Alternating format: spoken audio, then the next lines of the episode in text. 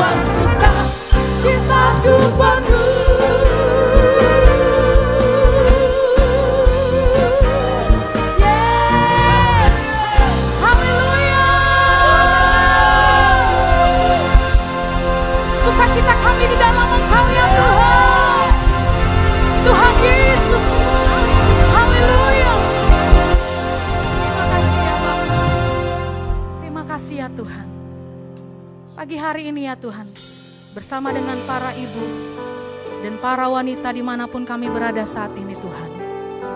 Baik yang ada di rumah, baik yang ada di mana pun Tuhan. Kami mengangkat kedua tangan kami di hadapan Tuhan. Kami berdoa pagi hari ini Bapa. Kau hadir ya Tuhan, memberkati setiap kami ya. Terima kasih ya Bapa, ini pujian kami. Tiada yang seperti engkau Begitu mengasihiku. Kau Tuhan sanggup menjawab Semua seru doaku. Tiada yang seperti engkau. Begitu mengasihiku Kau Tuhan sanggup melawan Seluruh kehidupanku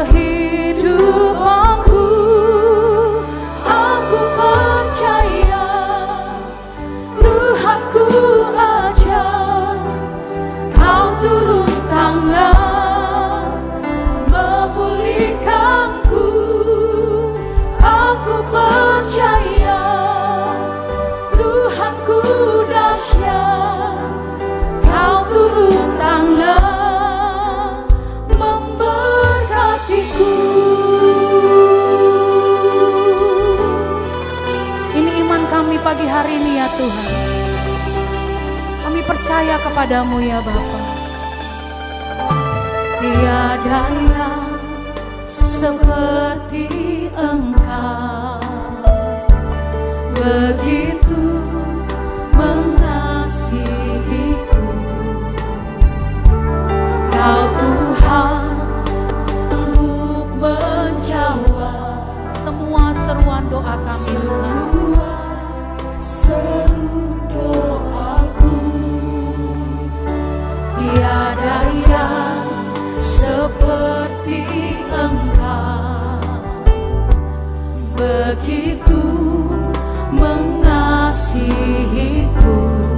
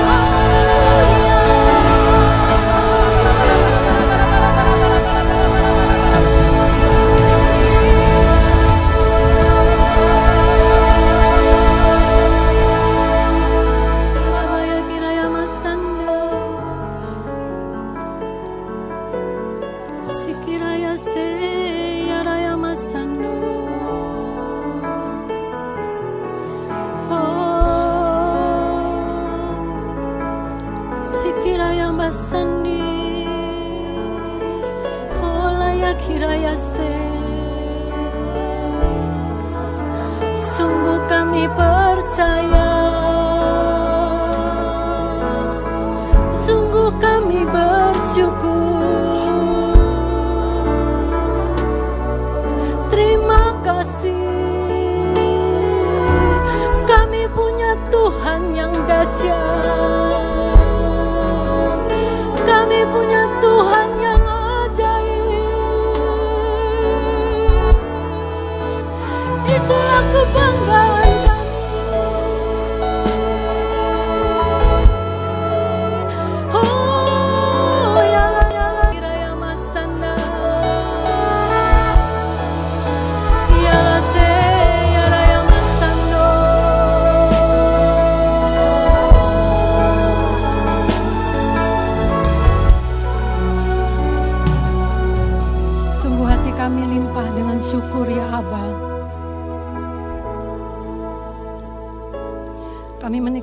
hadiratmu di pagi hari ini.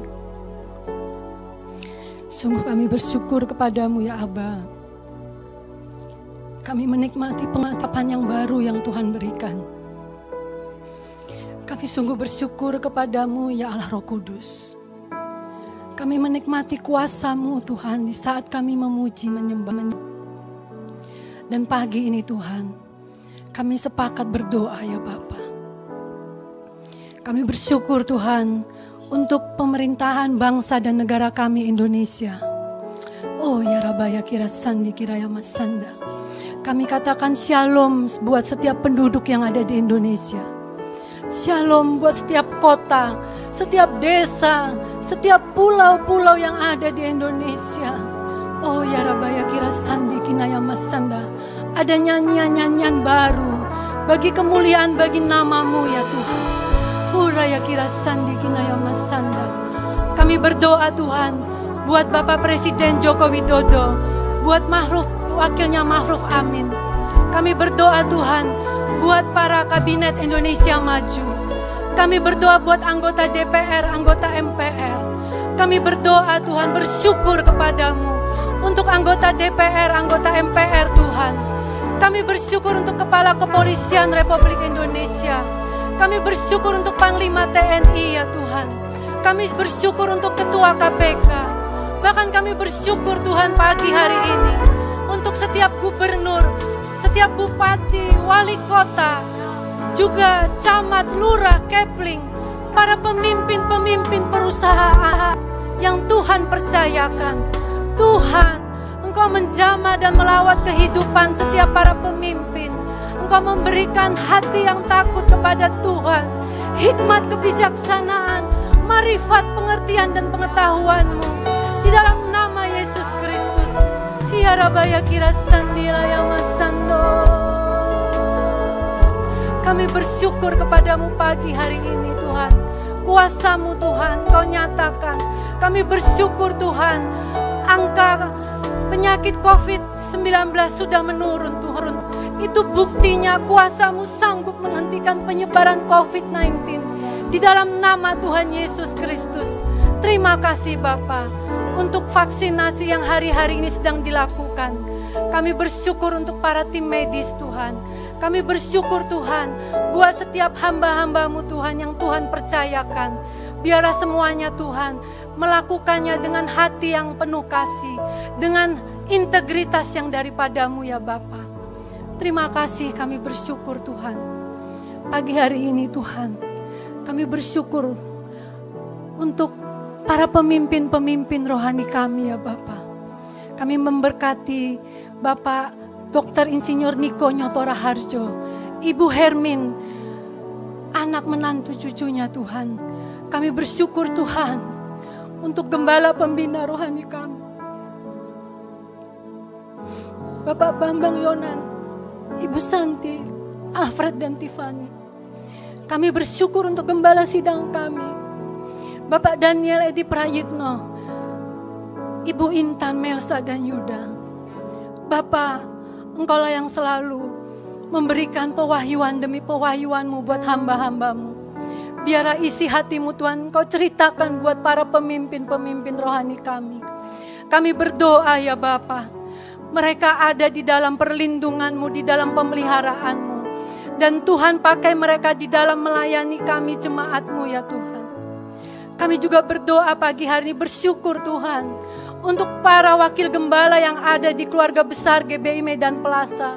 Tuhan memberkati hamba-hambamu, gembala-gembala yang ada di kota Medan maupun di luar kota Medan. Biarlah setiap kami menjadi gembala yang baik buat setiap jemaat-jemaat yang Tuhan percayakan kepada kami. Sungguh kami bersyukur kepadamu pagi hari ini. Oh ya Rabaya kira sanda kira yang masandi kira yang masanda. Terima kasih Bapak yang baik. Terima kasih Tuhan Yesus.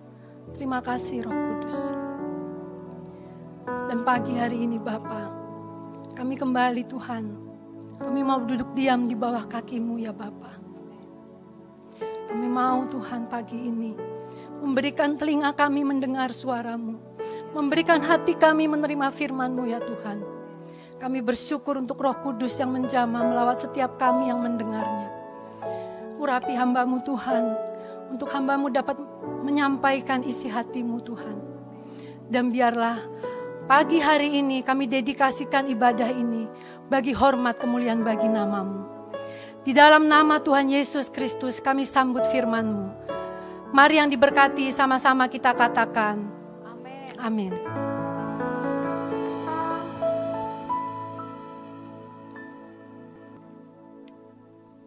Shalom para ibu-ibu yang dikasihi Tuhan. Terima kasih buat tim musik. Terima kasih. Saya bersyukur untuk juga tim multimedia. Saya juga bersyukur buat tim doa. Saya juga bersyukur buat para petugas kebersihan sehingga ibadah di tempat ini dapat berjalan dengan protokol kesehatan. Semua itu karena adanya kasih di antara kita yang melayani Tuhan. Terima kasih. Ibu-ibu yang dikasih Tuhan dan para wanitanya Tuhan yang luar biasa apa kabarnya? Kita punya Tuhan yang luar biasa. Saya berharap dan saya berdoa, ibu-ibu, para kaum wanitanya Tuhan dalam kondisi yang luar biasa juga. Terima kasih kepada Tuhan Yesus Kristus yang selalu memelihara, melindungi kita. Sebagaimana tuntunan gereja kita di bulan Maret ini, adalah temanya menghadap Tuhan dengan integritas. Dan judul khotbah pagi hari ini adalah menyentuh hati Bapa. Mari ibu-ibu dan kaum wanitanya Tuhan, kita ambil Alkitab kita atau kita ambil gadget kita, mari kita baca firman Tuhan. Berani 10 ayat 19 sampai 22. Kita bersa baca bersama-sama ayat yang ke-19. Jadi saudara-saudara, oleh darah Yesus kita sekarang penuh keberanian dapat masuk ke dalam tempat kudus. Ayat 20.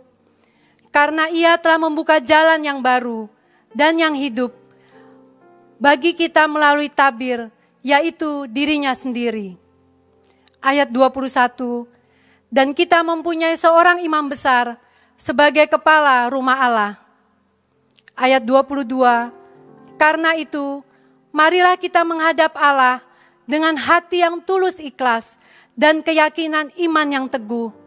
Oleh karena hati kita telah dibersihkan dari hati nurani yang jahat dan tubuh kita telah dibasuh dengan air yang murni. Para ibu dan wanitanya Tuhan yang luar biasa.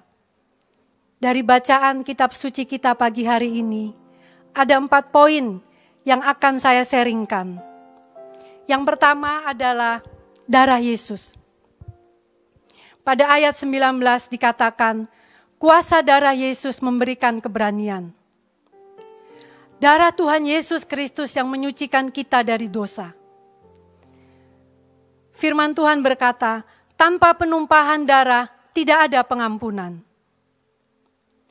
Pada 1 Petrus 1 ayat 19, firman Tuhan berkata, kita ditebus oleh darah Yesus.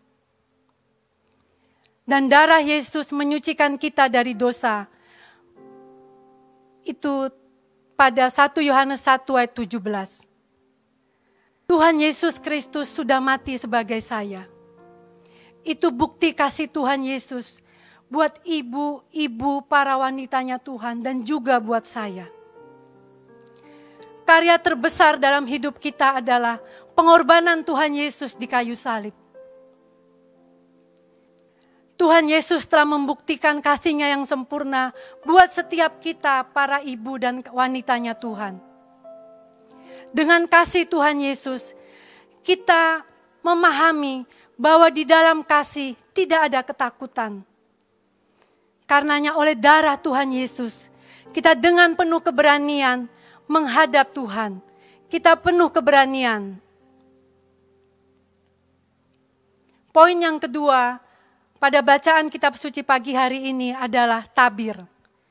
Pada ayat 20 dikatakan, membuka jalan yang baru dan yang hidup.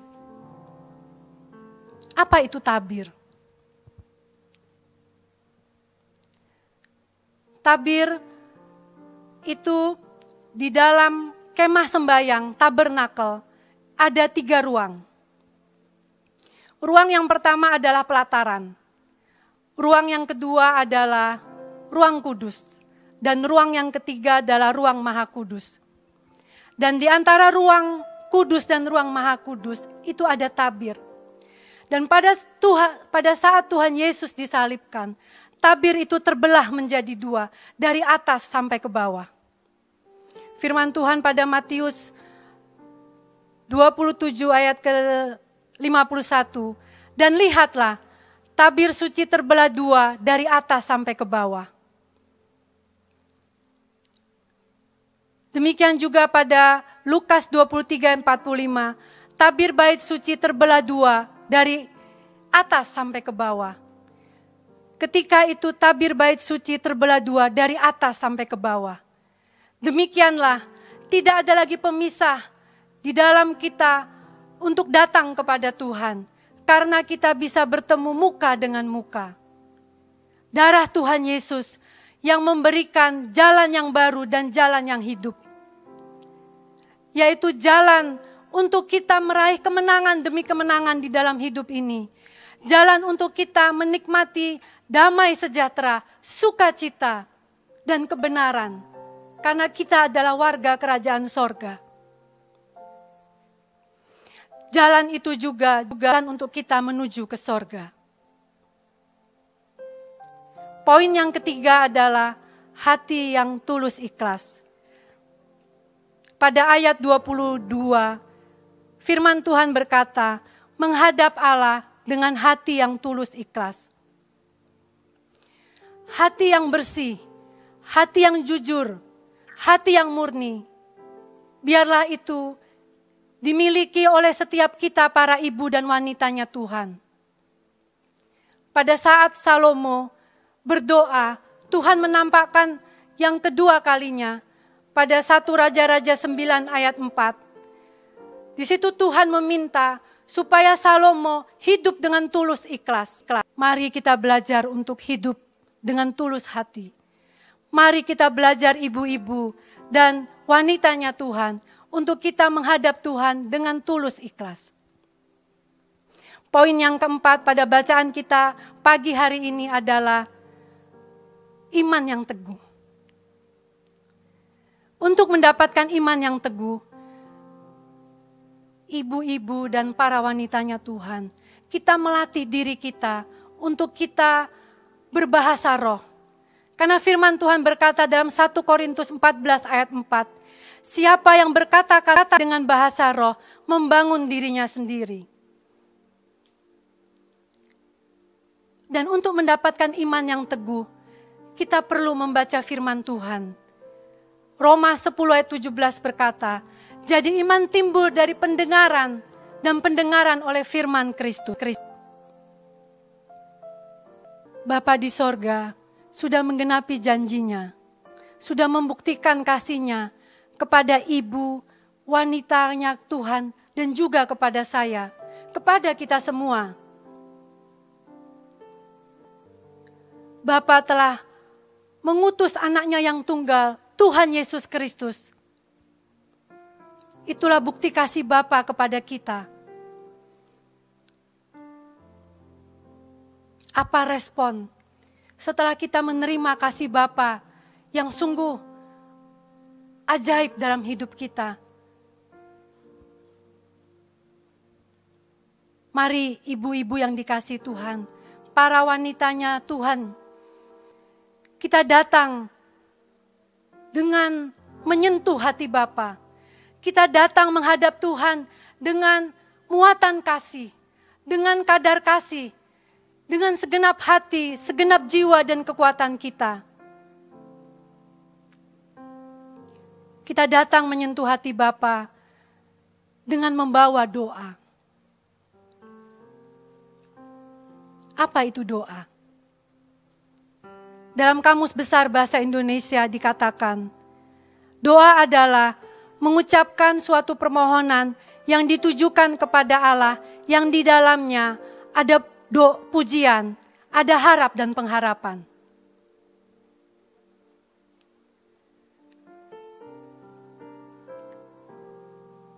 Dan untuk kita bisa berdoa, kita butuh Roh Kudus. Karena Roh Kudus yang akan membantu kita di dalam kelemahan-kelemahan kita. Tuhan Yesus mengajarkan, kalau kita mau berdoa, masuklah ke dalam kamar, tutuplah pintu, dan berdoalah kepada Bapa di tempat yang tersembunyi. Karena Yesus sejauh doa. Bila kau rasa gelisah di hatimu, bila kelam kabut tak menentu hidupmu. Ingat masih ada seorang penolong bagimu. Yesus tak pernah jauh darimu.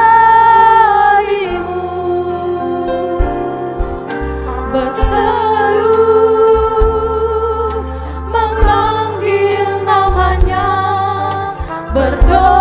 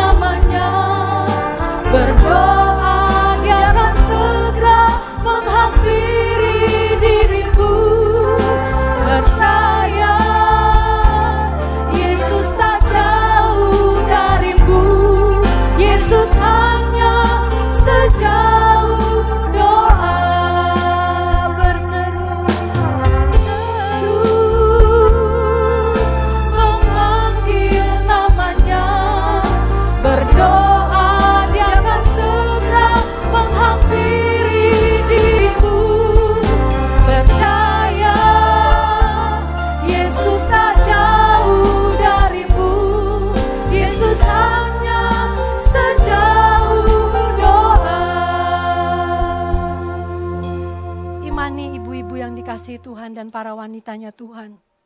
Yesus hanya sejauh doa.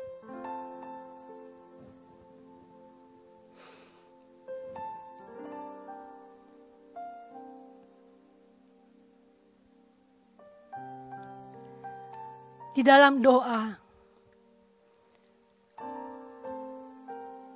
kita membutuhkan iman yang teguh. Di dalam kita berdoa, perlu ada ketekunan. Firman Tuhan berkata, bertekunlah di dalam doa. Di dalam doa, kita perlu ada keterbukaan. Karena tidak ada yang tersembunyi di hadapan Tuhan, di hadapan Bapa yang ada di sorga. Di dalam doa, kita datang dengan kerinduan kepada Bapa, dengan hati yang haus dan lapar, mencari wajah Tuhan.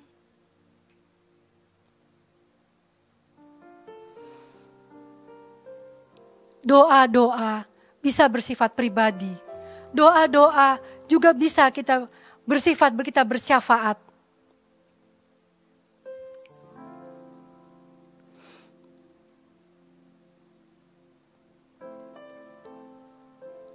Open my eyes, Lord.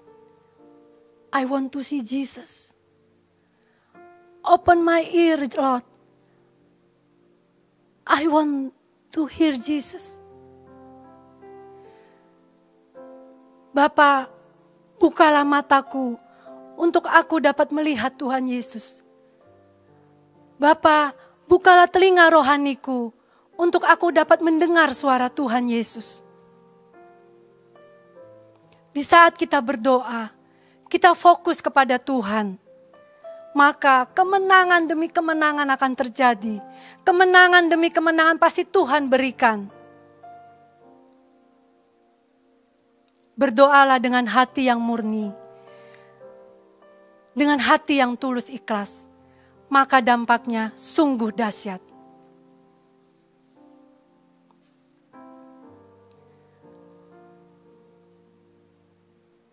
Ibu-ibu yang dikasihi Tuhan dan para wanitanya Tuhan.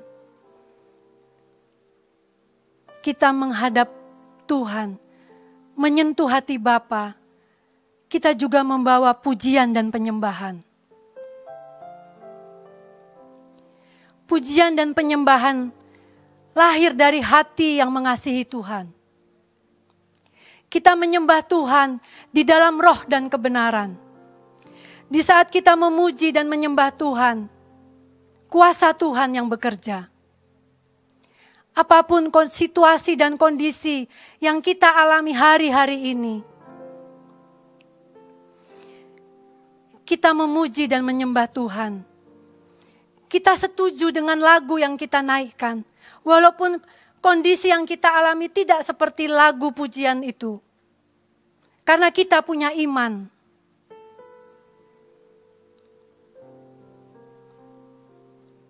Di saat kita memuji dan menyembah Tuhan, roh kita dipimpin oleh Roh Kudus.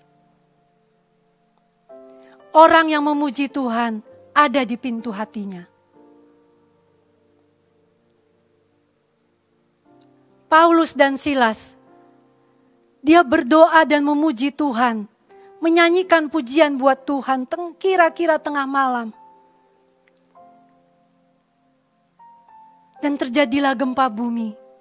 Sampai borgol, borgol yang luar biasa itu terlepas Itulah kuasa, pujian dan penyembahan.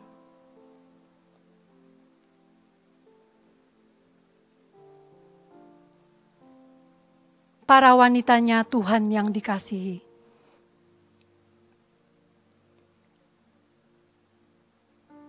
Kita duduk diam di bawah kaki Tuhan. Di saat kita menghadap Tuhan, biarkan Tuhan berbicara kepada kita melalui firman yang kita baca. Karena firman Tuhan itu pelita bagi kaki kita, terang bagi jalan-jalan kita. Kita menghidupi firman Tuhan. Kita pegang janji Tuhan. Kita deklarasikan janji Tuhan. Kita perkatakan dengan iman. Sebab bagi Allah tidak ada yang mustahil. Hai jiwaku, pujilah Tuhan, hai jiwaku. Sebab ia baik, sungguh sangat baik.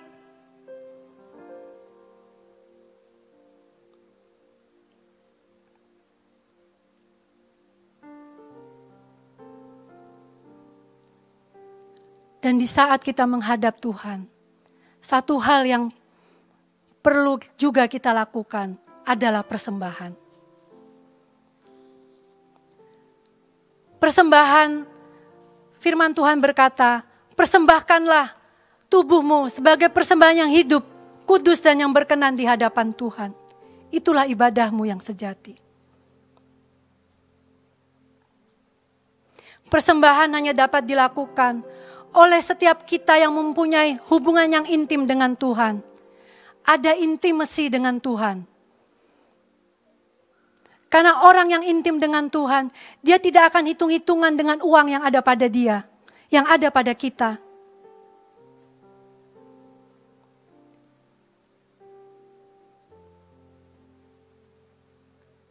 Uang itu benih. Mari kita memberi dengan penuh kasih, dengan respek kepada Tuhan.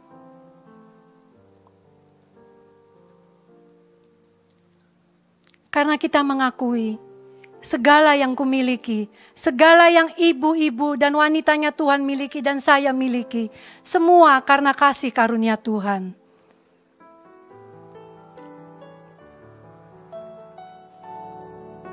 Segalanya yang ku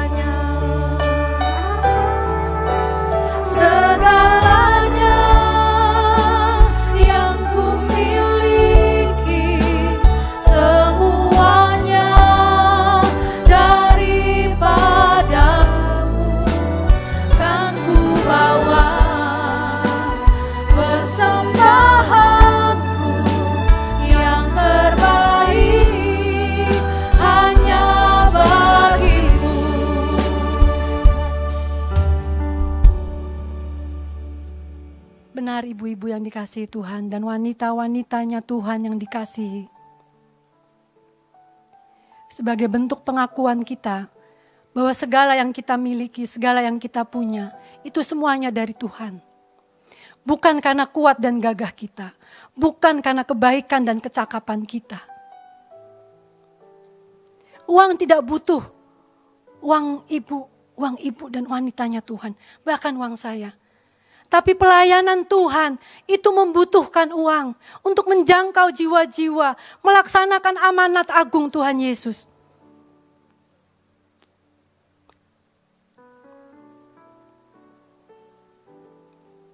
Ibu-ibu yang dikasih Tuhan dan kaum wanitanya Tuhan yang luar biasa. Mari kita simak doa Lea pada kejadian 29 ayat 31 sampai 35. Kita tahu mengenai kisah Yakub.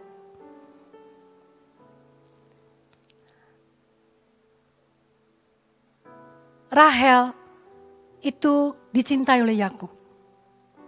Lea tidak dicintai.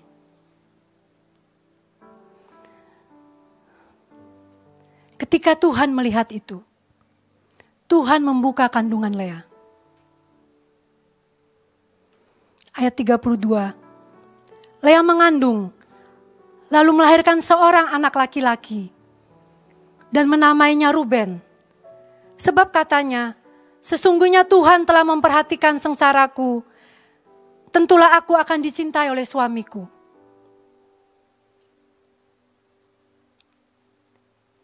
Lea mengandung lagi anak yang kedua. Pada saat dia melahirkan anak yang kedua, Lea berkata, "Sesungguhnya Tuhan telah mendengar bahwa aku tidak dicintai." Lalu diberikannya pula nama kepada anaknya yang kedua adalah Simeon. Puji Tuhan, Lea mengandung anak yang ketiga. Dan pada saat dia melahirkan anak yang ketiga, Lea berkata, "Sekali ini suamiku akan lebih erat kepadaku, karena aku telah melahirkan tiga anak laki-laki baginya." Dan Lea menamai anak itu Lewi.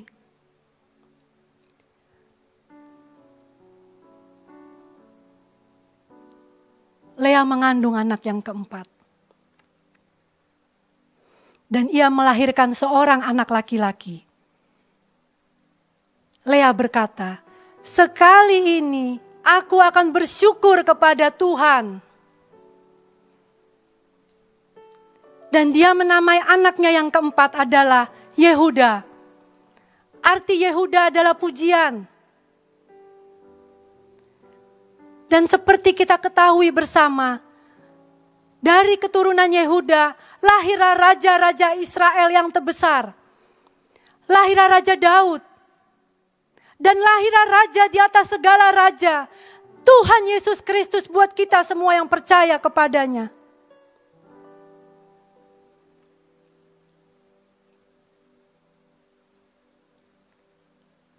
Ibu-ibu yang dikasihi Tuhan dan wanita-wanitanya yang dikasihi Tuhan. ibu dan wanitanya Tuhan pasti sudah familiar dengan doa Hana. Pada saat Hana berdoa, dia disertai dengan nazar kepada Tuhan. Dan di dalam doanya, dia hanya meminta seorang anak laki-laki. Tapi Tuhan memberikan seorang nabi Nabi Samuel. Dan Tuhan mengindahkan Hana. Hana mengandung dan melahirkan tiga orang anak laki-laki dan dua orang anak perempuan.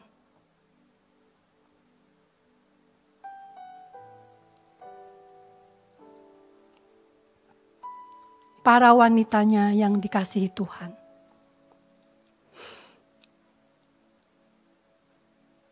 Tuhan punya rencana buat setiap kita.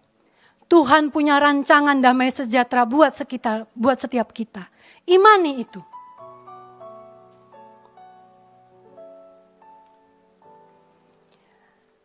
Dan perumpamaan yang ketiga, ketika saat itu Tuhan membuat suatu perumpamaan Doa orang Farisi dengan pemungut cukai. Pada Lukas 18 ayat 1 sampai 14. Pada saat itu ada dua orang pergi ke bait Allah. Yang satu Farisi dan yang lain pemungut cukai.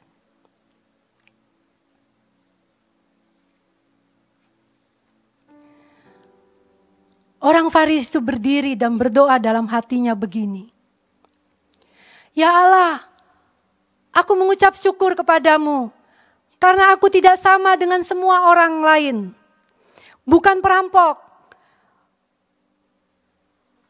bukan orang lalim, bukan pejina, dan bukan juga seperti pemungut cukai ini. Aku berpuasa dua kali seminggu Aku memberikan sepersepuluh dari segala penghasilanku.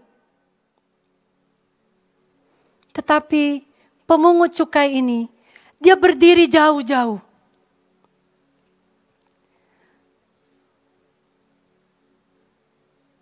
Bahkan dia tidak berani menghadap ke langit. Melainkan ia memukul diri dan berkata, "Ya Allah, Kasihanilah aku orang berdosa ini. Dan saat itu Tuhan berkata, orang ini pulang ke rumahnya sebagai orang yang dibenarkan Allah. Biarlah ini menjadi peneguhan buat setiap kita. Di saat kita beribadah, di saat kita menghadap Tuhan, kita menjadi orang yang dibenarkan oleh Allah.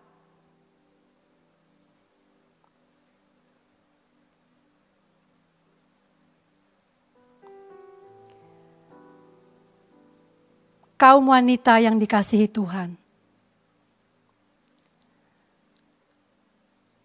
Kasih Bapa luar biasa dalam hidup kita. Kita punya Bapa yang sungguh baik dalam hidup kita. Kita punya Bapa yang selalu setia di dalam hidup kita. Kita punya Bapa yang selalu menyatakan kemuliaan dan kemuliaannya di dalam hidup kita. Bahkan kita punya Bapa yang mengasihi kita tanpa syarat. Apa yang kita bawa ketika kita menghadap Tuhan? Mari kita datang dengan kasih. Mari kita datang dengan sepenuh hati, sepenuh jiwa dan kekuatan kita. Di dalam doa kita, pujian penyembahan kita, di dalam kita membaca dan merenungkan firman Tuhan, di dalam kita memberikan persembahan dengan hati yang mengasihi Bapa, hati yang mengasihi Tuhan Yesus, hati yang mengasihi Roh Kudus. Biarlah ini menjadi gaya hidup para wanita-wanitanya Tuhan. Dan kita berkata, aku pendoa yang berintegritas. Mari ibu-ibu dan wanitanya Tuhan. Sebut nama ibu dan wanitanya Tuhan. Andri pendoa yang berintegritas. Puji Tuhan.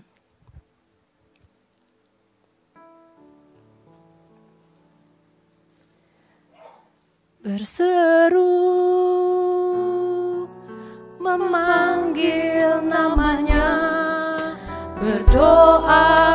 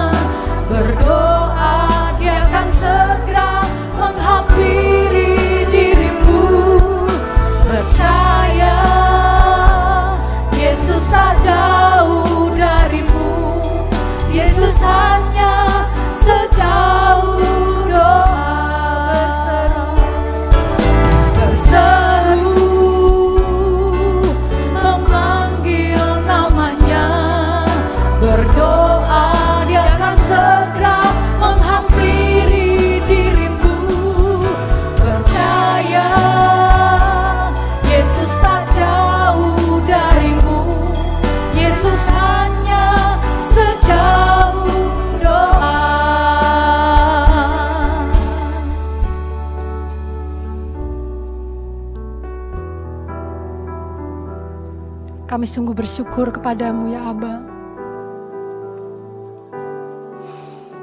Karena Engkau Bapa yang mengasihi kami. Bahkan Engkau Bapa yang memilih kami sebelum dunia dijadikan. Itulah alasannya Tuhan. Untuk kami datang menghadap Tuhan dengan integritas. Kami menghadap Tuhan dengan doa-doa kami. Pujian penyembahan dan kami membaca merenungkan firman Tuhan, memberikan persembahan dari hati kami yang mengasihimu ya Tuhan.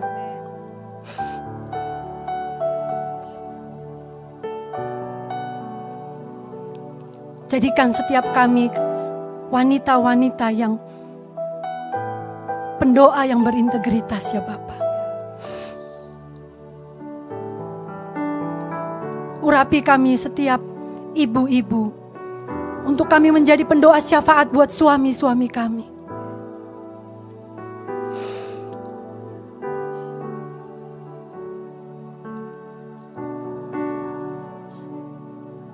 Terima kasih Bapak. Pakai kami Tuhan. Menjadi wanitamu Tuhan. Menjadi alatmu ya Tuhan. Kami berbuah untuk kemuliaan bagi nama Tuhan. Ya Aba Bapa yang di sorga. Pagi ini kami berdoa buat setiap rumah tangga. Berkatilah setiap suami mengasihi istri, setiap istri mengasihi suami. Anak-anak taat kepada orang tua. Kami mengucap syukur untuk setiap anak-anak yang Tuhan percayakan kepada kami. Dan kami mengucap syukur buat kami Tuhan istri-istri, setiap rumah tangga yang merindukan untuk kami punya anak. Kiranya Engkau membuka kandungan kami, Bapak. Di dalam nama Tuhan Yesus Kristus.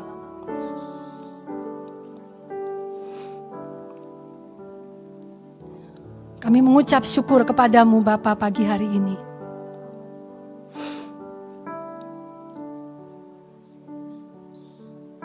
Berkatmu Tuhan. Oh rabata kaya rabaki rasandi kinaya masanda raya bagi rasi. Sikirabaya kira sanda laba laba ya kira sanda. Kami berdoa buat setiap yang sakit baik di rumah sakit ataupun di rumah yang tidak punya uang untuk berobat. Engkaulah Allah Jehovah Rapa, Allah yang menyembuhkan. Firmanmu berkata, oleh bilur-bilur Tuhan Yesus Kristus yang sakit disembuhkan. Di dalam nama Tuhan Yesus Kristus.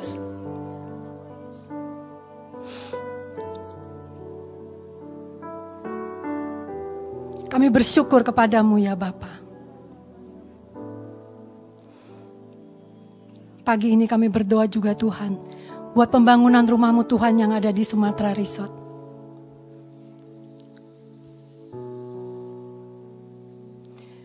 Kami percaya Tuhan, kalau Tuhan yang memulai, Tuhan akan menyelesaikannya buat setiap kami tempat pada waktumu. Kairosmu Tuhan. Berikan setiap kami jemaatmu Tuhan. Hati yang mau memberi. Sehingga melalui pembangunan rumahmu Tuhan. Banyak jiwa-jiwa yang diselamatkan. Banyak jiwa-jiwa yang bertobat Bapak. Kami mau Tuhan menuai jiwa-jiwa buat hormat kemuliaan bagi namamu ya Bapak. Biarlah rumah persembahan ini menjadi berkat buat kota Medan. Rumah persembahan ini menjadi berkat buat Provinsi Sumatera Utara. Gereja kami menjadi berkat buat bangsa dan negara kami Indonesia. Gereja kami menjadi berkat buat bangsa-bangsa karena ada Tuhan.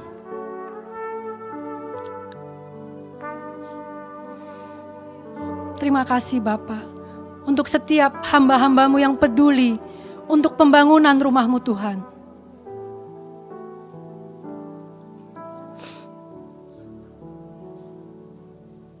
Pagi ini kami mau berkata, Shalom Yerusalem. Shalom Yerusalem, Shalom Yerusalem. Diberkatilah kota kudusmu Yerusalem. Ada sentosa di puri-purimu, ada kesejahteraan di tembok-tembok. Berkat Yerusalem mengalir buat setiap kami yang mencintaimu.